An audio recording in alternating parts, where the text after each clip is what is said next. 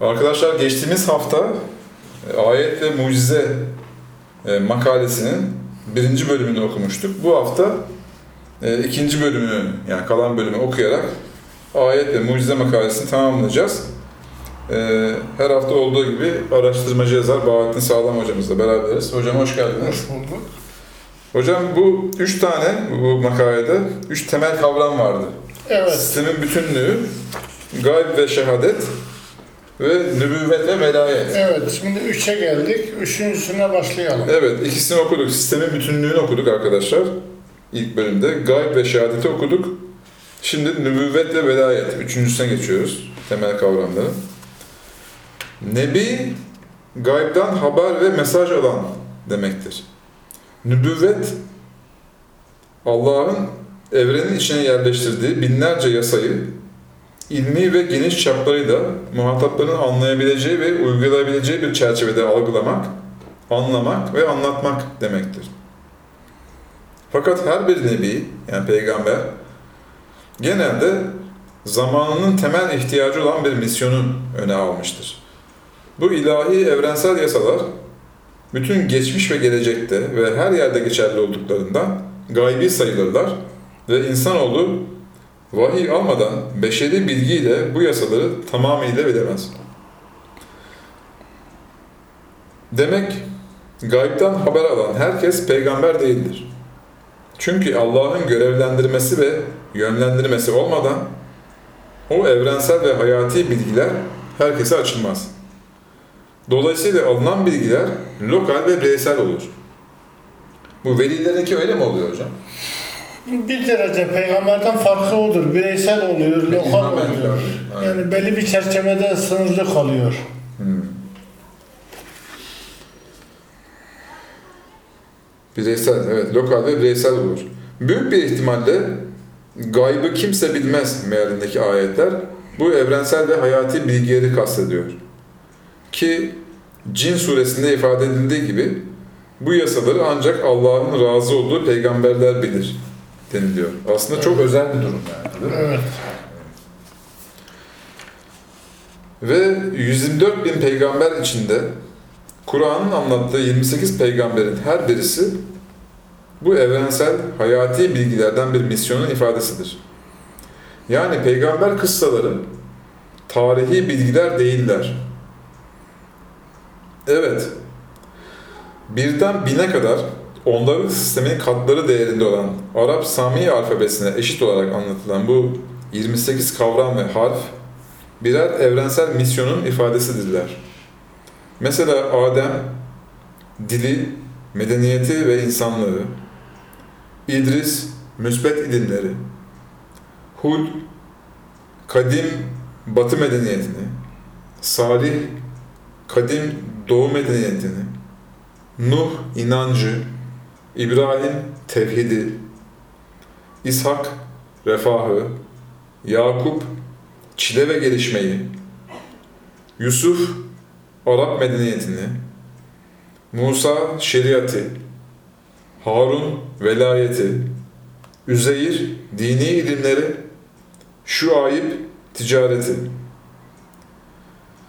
Yunus, nefsini ilkel istekleri tarafından yutulan fakat iman ve dua ile kurtulan insanı, Eyüp, yöneliş ve ibadeti, Zülkarneyn, iktidar ve barışı, Hızır, ekolojiyi, Lokman, tıbbı, Davut, din devletini, Süleyman, saltanatı, Lut, yıkılmış, azap görmüş medeniyeti, İsmail, namazı, Elyasa, siyaseti, İlyas, metafiziği, Zülkifl, emniyeti, Zekeriya, İslam tarihini, Yahya, mehli, mehliyeti, İsa, vahyi temsil ediyorlar. Hepsinin böyle karşılıkları var değil Bir mi? misyondurlar. Hepsi her, bir misyon. Her peygamber bir misyondur. Tarihi kişilikler gibi algılanmış. Diyor değil, misyondur. Tarihte o misyonların çok numuneleri var yalnız. Tekraren değil mi? Her, asırda, millet, her, millette. asırda, her millette ayrı bir kişi gelmiş. Boş bırakmıyor Allah yani Yok, hiçbir boş bırakmıyor. Bir lider arıyı ye- mesela kraliçesiz bırakmayan Hmm. insanı da peygambersiz bırakmaz diyor Bediüzzaman. O zaman bütün misyonları aynı zamanda bütün toplumlara da göndermiş oluyor. Tabi tabi. Değil mi? Tabi. Belki her misyon her millete gelmemiştir ama Yansıyordur. yansıyordur. Bir etkileşim sisteminde yansıyordur. Ahsen-i takvimde yaratılan, insanın boynuna takılan bu gerdanlığın ilk misyonunun mucizesi dil ve medeniyet olduğu gibi son misyon olan İslam'ın da misyonu edebiyat ve ilimdir. Evet, İslam'ın misyonu edebiyat ve ilimdir. Bu gerdanlığın başka bir ismi de Divan-ı Nübüvvet'tir. Nübüvvet ve velayet denilen bu iki kanatlılık çerçevesinde yasa ve şeriat Musa'ya verilmiş, olağanüstü mucizeler ve velayet Harun'a verilmiştir. Tevrat çıkış kitabına bakılabilir. Velayet kelime olarak yakınlık demektir. Yani insanın bu maddi fiziki kuralları bir derece aşıp ilahi ve gaybi aleme yaklaşması demektir. Fakat nübüvvet daha evrensel olduğu ve içinde istikametli bir velayeti barındırdığı için Nebi veliden daha çok Allah'a yakındır denilir. Hz. Muhammed bütün peygamberlerin varisi olduğundan birçok özellik gibi bu velayeti dahi bir hakkın yaşamıştır. Hatta İslam tarihinde Ebu Bekir e, nübüvvet yönünü Ali velayet yönünü temsil etmesiyle beraber Hz. Muhammed bu iki görevi tam manasıyla yaşadığında Kur'an Harun'un mucizelerini Musa misyonu çerçevesinde Hz. Muhammed'e isnat eder. Çünkü Kur'an kıssalarının asıl amacı tarihi anlatmak değil de o 28 misyonun Hz. Muhammed'de icra edilmesini anlatmaktır. Hz. Muhammed'in velayet yönü 53 yaşında Miraç dediğimiz büyük ruhi tecrübe ile gerçekleşti ki 53. sırada olan Necm suresinin asıl konusu bu ruhani tecrübeyi anlatmaktır. Kur'an'da da geçtiği üzere Peygamberimizin iki ismi var. Muhammed ve Ahmet. Şeriat ve hukuk olarak o Muhammed'dir. Musa'ya tekabül eder. Metafizik tecrübeler ve ruhani hayat itibariyle o Ahmet'tir. İsa'ya tekabül eder. Manevi alim tarafından. Evet, İsa Yunus. İsa'da velayet ve ruhanilik bütün peygamberlerden daha fazla olduğundan onda mucizeler daha çok gerçekleşmiştir. İnciller bu mucizeleri anlatır. Kur'an bunları teyit eder. 61. sure Güneş takvimiyle 61 sene yaşayan peygamberimizin bu iki boyutunu şöyle de mucizevi bir şekilde anlatır. Göklerde ve yerde ne varsa paktır, temizdir, güzeldir. Bu durum Allah'ın izzet ve sonsuzluğunun neticesidir. Fakat hikmet gereği bazı şeyler çirkin görünebilir. Ey müminler! Neden yapmadığınız şeyleri millete yapın diyorsunuz? Sizin bu davranışınız gayb aleminde çok büyük bir gazap olarak ortaya çıkar. Allah böyle şeyleri asla sevmez. Yani böyle diyenleri asla başarılı kılmaz. Allah kendi yolunda sanki kurşunla örülmüş duvar gibi dayanıklı ve dizili bir şekilde savaşanları sever. Allah'ın sevgisi, Allah samimiyeti, gayreti, düzeni, kötülüklere, kötülüklere karşı koymayı ve hayır yolunda koşturmayı sever ve böyle yaşayanları başarılı kılar manasındadır Allah'ın sevgisi. Bir vakit Musa kavmine dedi ki, siz benim size gelen Allah'ın elçisi olduğumu bildiğiniz halde neden itaat etmemekle beni üzüyorsunuz? Evet bunlar kanun dışına kayınca Allah onların kalbini yani bilinçlerini kaydırdı. Evet Allah kanunları çiğneyen yani fasık bir toplumu başarıya ulaştırmaz.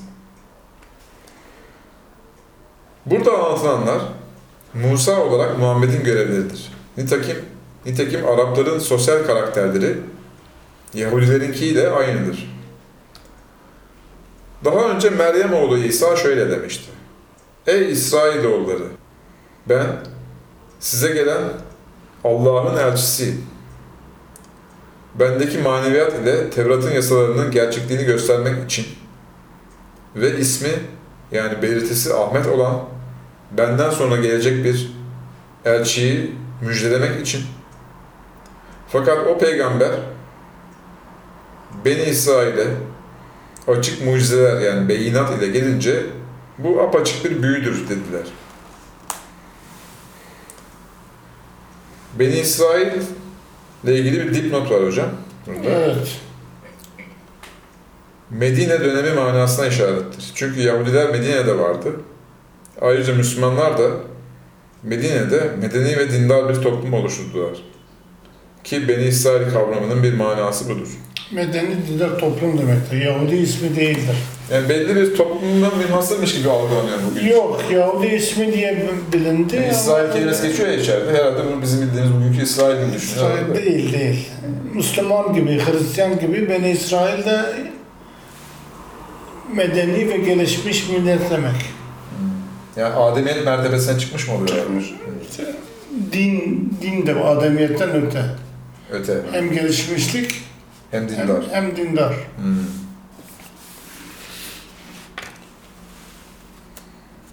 Nerede kaldık?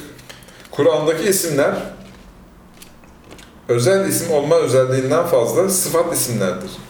Yani Muhammed, Musa olarak mükemmeldir. Fakat onun ruhaniyeti, zühdü ve metafizik açılımları onu Ahmet yani daha çok mükemmel yapıyor. Ahmet kelimesinin ebcedi 53'tür. Muhammed kelimesinin değeri ise 132'dir. İslam kelimesiyle eşdeğerdir. Evet, İslam hakikati, velayet ve nübüvveti, dünya ve ahireti, madde ve manayı, ruhanilik ve yasayı, bilim ve dini bir gördüğünden ve onları tevhid potasında canlı bir şekilde birleştirdiği için tek kanatlılıktan daha mükemmeldir. Ki bu 61. surenin 8. ayeti açıkça bunu gösteriyor.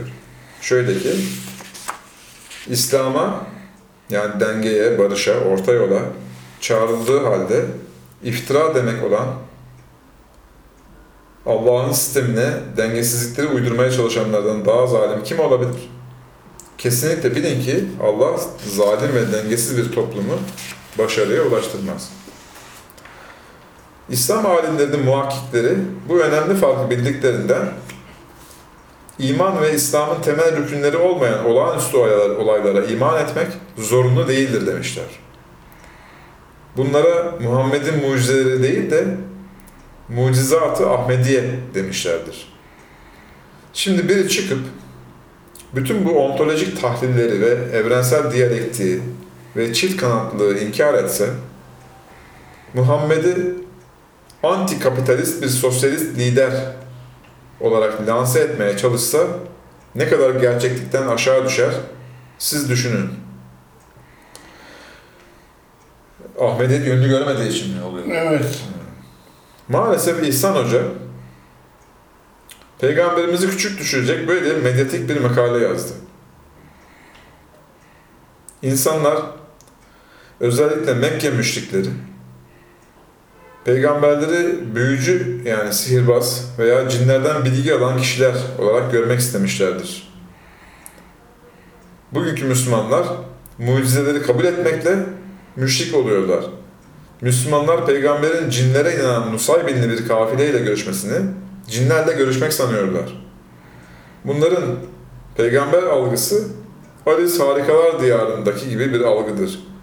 Başta Bediüzzaman'ın 19. mektup risalesi olmak üzere mucizelerle ilgili bütün rivayetler, bütün İslam tarihi yanılgılardan başka bir şey değildir demiş. Evet, maalesef. İşte bu gibi basit ve yanlış iddialara tek tek cevap vermeye çalışacağız. Hayatı yemek ve eğlenceden ibaret bilen kafirler dediler ki Ey kendisine mesaj inen zat! Sen mutlaka cinlenmişsin. Bu bilgileri cinlerden alıyorsun. Eğer doğrulardan isen neden bize melekleri getirmiyorsun? Biz ancak melekleri tamamıyla azabı hak eden toplumlara indiririz. Biz bunlara melek indirsek, imtihan sırrı gereği bunların da eskiler gibi helak olmaları gerekecektir. Hicr suresi 2. 3. ve 6. ve 8. ayetler. Yani çünkü melek indiği zaman imtihan sırrı bozuluyor ya. Değil mi? Dolayısıyla indirdiği zaman düzlemek için iniyor yani. Değil mi şeyi? O zaman inanmanın bir faydası kalmaz. Dolayısıyla herkes yok olur, kıyamet kopar. Yani gideriyor o şeyi. Gideriyor. İmtihan kapısı kapanıyor. Kapıyı kapatıyor, gideriyor. Gidiyor. Biz bu putlarımızı cinlerden bilgi alan bir şair için mi terk edeceğiz? Şair demişler. Saffat suresi 36. ayet. Sen ne bir kahinsin ne de cinlerden bilgi alan birisin. Sen en büyük nimet olan Allah'tan vahiy alan bir elçisin. Tur suresi 29. ayet. Bakın hocaya göre peygamber Allah'ın izni ve tasdiki ile mucizeler göstermiştir.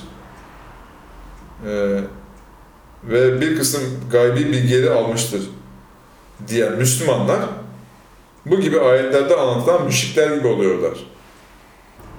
Acaba iki söylem arasında ne kadar fark var? Siz düşünün. Bunları eşit görmek cahilce bir iddia değil midir? Müslümanların söyleminin farz-ı muhal hiçbir dayanağı olmasa da Müslümanlar tevhide, ahirete ve peygamberin aracı olduğuna inandıkları için acaba nasıl müşrik ve kafirlerle bir tutulabilir? Bu mukayese o kadar büyük bir hezeyandır ki daha fazla laf israf olur. Mucizeleri peygambere isnat eden Müslümanlar Hazreti Peygamber'e sihirbaz diyen müşrikler de aynı duruma düşüyorlar diyor. Enam suresi ayet 7'nin dediği gibi biz sana fiziki yani somut ve onların elleyebileceği bir mucize indirsek yine inanmayacaklar. Bunlar ayetlerimiz için apacık bir büyüden başka bir şey değildir diyecekler. Nitekim kafirler gözleriyle gördükleri şakkı kamer için yani ayın yarılması için etkin bir büyüdür dediler. Kamer suresi 1. ve 2. ayetler. İsa ölüleri diriltmek gibi onlarca mucizeyi gösterince kafirler bu büyüden başka bir şey değildir dediler. Maide suresi 110. ayet. Bu surede çok açık mucizeler gören havarilere hitaben sizin başka bir şansınız kalmadı. Sizden biri buna rağmen yanlışa düşerse o en büyük azabı hak edecektir deniliyor. İhsan Hoca varlığı tamamıyla ve bütün boyutlarıyla bilmediğinden cinleri ve ruhani varlıkları kabul etmiyor. Peygamberin e, cinlere Kur'an okuduğunu tevhid götürmez bir ifadeyle bildiren Ahkaf suresinin 35. ayetini saptırıyor. Şöyle ki, hayat ve canlılık farklı frekanslarda da olsa ilahi birlik tecellisi olarak her şeyde ve her boyutta bulunur.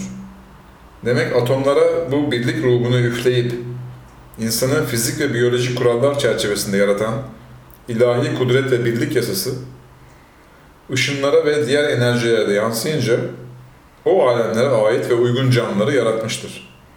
Bütün bu kategorideki varlıklara cin yani görünmez varlıklar denilir.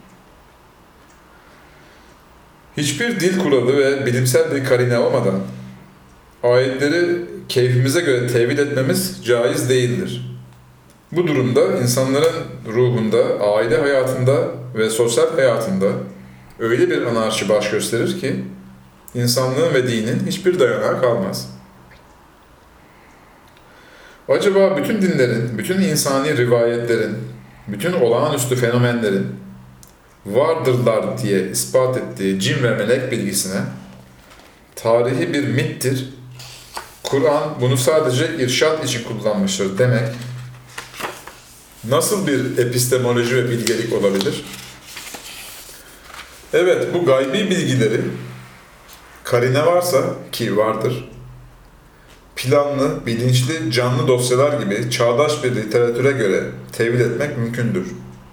Fakat bunların realite olmadığını söylemek, varlığı, hayatı, bilinci, dini, kutsalı inkar etmek demektir. Böyle bir sapıklıktan Allah'a sığınırız. Çünkü bu manevi bir ölüm ve helakettir. İşte İhsan Hoca böyle süfli bir seviyeye yuvarlandığında Allah'ın kelamı olmasa da benim Kur'an'a bağlılığım değişmez diyor. Zavallı bilmiyor ki Allah'ın kelamı ve kutsallık vasfı onda görülmediği zaman sahte kuru bir kitap olur. Bütün güzel vasıflarını yitirir. İhsan Hoca'nın kendisine din edindiği sosyal adalet vasfı dahi zulüm, çirkinlik ve yokluk demek olan sahtekarlığa dönüşür. Sol blok böyle dehşetli bir hatayı bu asrın içinde işledi. Fakat kapitalizmin bütün kötülüklerine ve firelerine rağmen yenildiler. İnsanlığın 70 yıllık emeğini, 700 trilyon dolar servetini leş ettiler. Çünkü kutsalları yoktu. Ayrıca insanlığın varlığının en temel iki ayağı olan dengeli mülkiyet ve hürriyeti tamamıyla reddettiler. Eşitlik cennetini vaat ettiler. Fakat insanlığa zulüm, yokluk ve sefaleti yedirdiler. Evet, aşırı kapitalizm insanlığa mutluluğu vaat etti, tersi çıktı. Sosyalizm eşitliği vaat etti, yokluk ve kıtlık oldu. Demek bu iki cereyan deccallık yapıyor, yani kandırıyor. Said Nursi 60 yıl önce Batı'da iki deccalane cereyan gelişiyor. İnsanlığın geleceği için en büyük tehlike bunlardır diye uyardı. Evet, kapitalizme karşı biricik çare komünizm değildir. Vahşi tabiat, ilmi yöntemlerle ıslah edildiğinde verimli olduğu gibi, zalim kapitalizm de Kur'an'ın kutsal adaletiyle dengelense verimli olabilir ve insanlığın ekseriyetine mutluluk getirebilir. Evet, bazı rivayetler zayıf olabilir, bize yanlış gelmiş olabilir veya bazı akımların elinde yanlış tefsir edilmiş olabilir. Fakat bütün insanlık değerleri yanlıştır. İslam tarihi yanlışlarla doludur. Yalanın, sahtekarlığın en büyük günah olduğunu bilen binlerce dindar ehli hadis alimler tarihi ve hadis rivayetlerini bize yanlış aktarmışlardır demek bilgiyi, dini, tarihi bilmemektir. Epistemolojik bir iflastır. Evet, birçok rivayet var ki dini mentalitede kesinlikle kabulü mümkün olmuyor. Fakat bu bilerek uydurulmuştur manasına gelmez. Ancak bu rivayetlerin bir aslı var fakat bize değişerek ulaşmıştır diyebiliriz. Musa Carullah Begiyev'in birkaç orijinal tespiti var ki bize bu kaideyi söylettiriyor.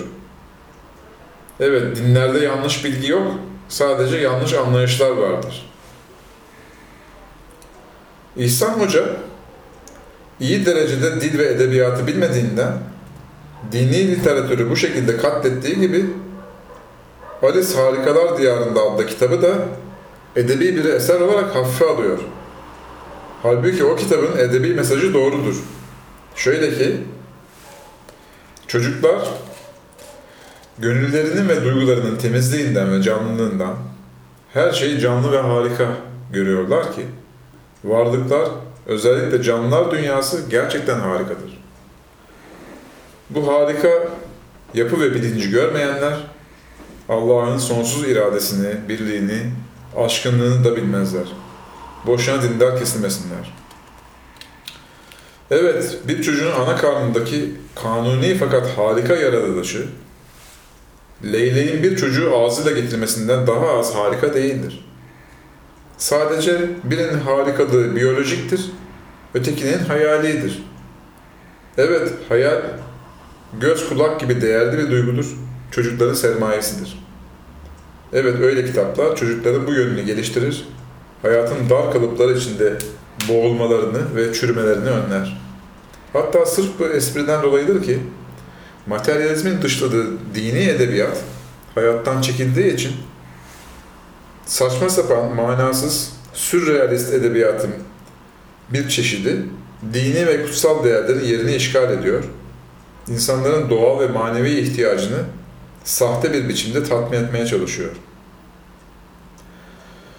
Mucizelere ve velayet kavramına inanan alimler, dinin egemen olduğu ortamda bir insan nübüvvet değerlerini kabul etse, velayet değerlerini dışlasa da kurtulabilir. Velayet imanın bir rüknü değildir demişler.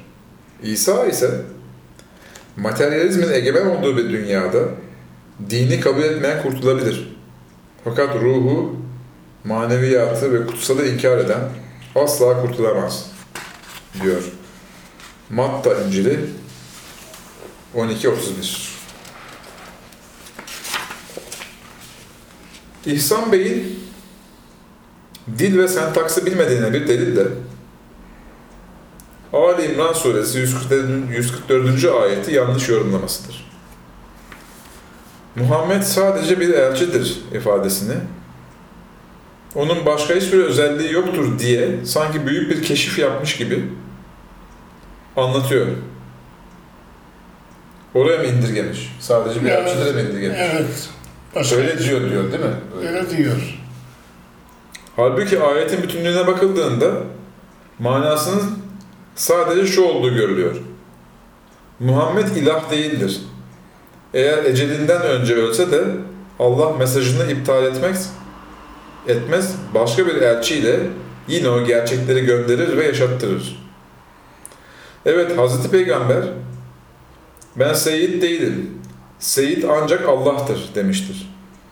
Çünkü Seyyid kelimesinin karşı anlamı abd ve köledir. Kimse bana kul ve köle olmayacak. Kulluk ve ibadet sadece Allah'a mahsustur diye söylemiştir. Yoksa bende peygamberlikten başka hiçbir özellik yoktur demek istememiştir. Mucizat-ı Ahmediye 19. mektupta Mucizat-ı Ahmediye Risalesi'ne karşı gösterdiği seviyesiz tepki gerçekten çok cahilcedir. Doğruluktan ve bütüncül gerçekçi bir bakış açısından yoksundur. Çünkü Risale'nin sahibi Bediüzzaman, sünnetullahı, ilahi kevni yasaları ve mucizeyi, inancı ve bilimi, peygamberin ideal örnekliğini ve kutsal makamını, nübüvvet ve velayetin mahiyetlerini, madde ve mananın diyalektiğini bütün yönleriyle anlatan 5000 sayfalık ilmi bir eser yazmıştır. 19. mektuptaki ilmi sorumluluğu da büyük hadis imamlarına yüklemiştir. Demek İhsan Hoca'nın bu noktaları ve bu ilmi muhakemeleri görmeden o alim zatı müşriklerle ve cahillerle bir tutması ne kadar çirkin bir iftira olur siz düşünün. Evet bu çağda Müslüman yazarların en büyük zaafı dil ve edebiyatı ve kadim gelenekleri bilmemeleridir. Üçüncü sınıf materyalistlerin ve müsteşriklerin kusmuk kitaplarını menba-i ilim sanmalarıdır. Dinin temel kaynaklarını anlamamalarıdır. Çünkü lafız ve mealde boğuluyorlar, manaya geçemiyorlar. Başta Kur'an olmak üzere kutsal kaynaklardan içemiyorlar. Mideleri asrın kolerası denilen materyalizm ile kurumuş ve bozulmuştur. Bunlar insanları ıslah edelim derken aslında kendilerini ve toplumları ifsat ediyorlar fakat farkında değiller. Bunlar samimi olmakla beraber aşırı giden ve zulmeden abdestli kapitalistleri tıraş edelim derken dinin şah damarı olan maneviyat ve mucizeleri ve ilahi aşkınlığı dışlıyorlar. Evet, materyalizmden dolayı bu asrın insanların çoğunun kalbi ve kafası kurudur. Cenab-ı Hak hepimizi korusun. Bize de, bize denge, sağlık ve canlılık versin. Kur'an onlarca ayette açıkça vurgulanan bu yasa ve mucize dengesini bize anlattığı gibi birliği, bütünlüğü ve gerçeği halk ve emir kavramlarının diyalektiği ve bütünlüğü içinde anlatır. Mesela evrenin mevcut görünen durumu halk kavramıyla, zaman içindeki idare ve yönetimi ise emir kavramıyla ifade eder. Halk, yaratma da emir ve yönetmek de Allah'a mahsustur der. 7. sure 54. ayet. Ve mesela bedenin kuralları ve şekli bir derece bellidir. Halk ve mahluk kavramı içinde değerlendirilir. Fakat beynin 46 lobunun ve yüzlerce dosyasının neyin, ne zaman, neyi nasıl etkileyeceği tam belli olmuyor. Onun için ruh ve ecel Allah'ın tek elindedir denilir.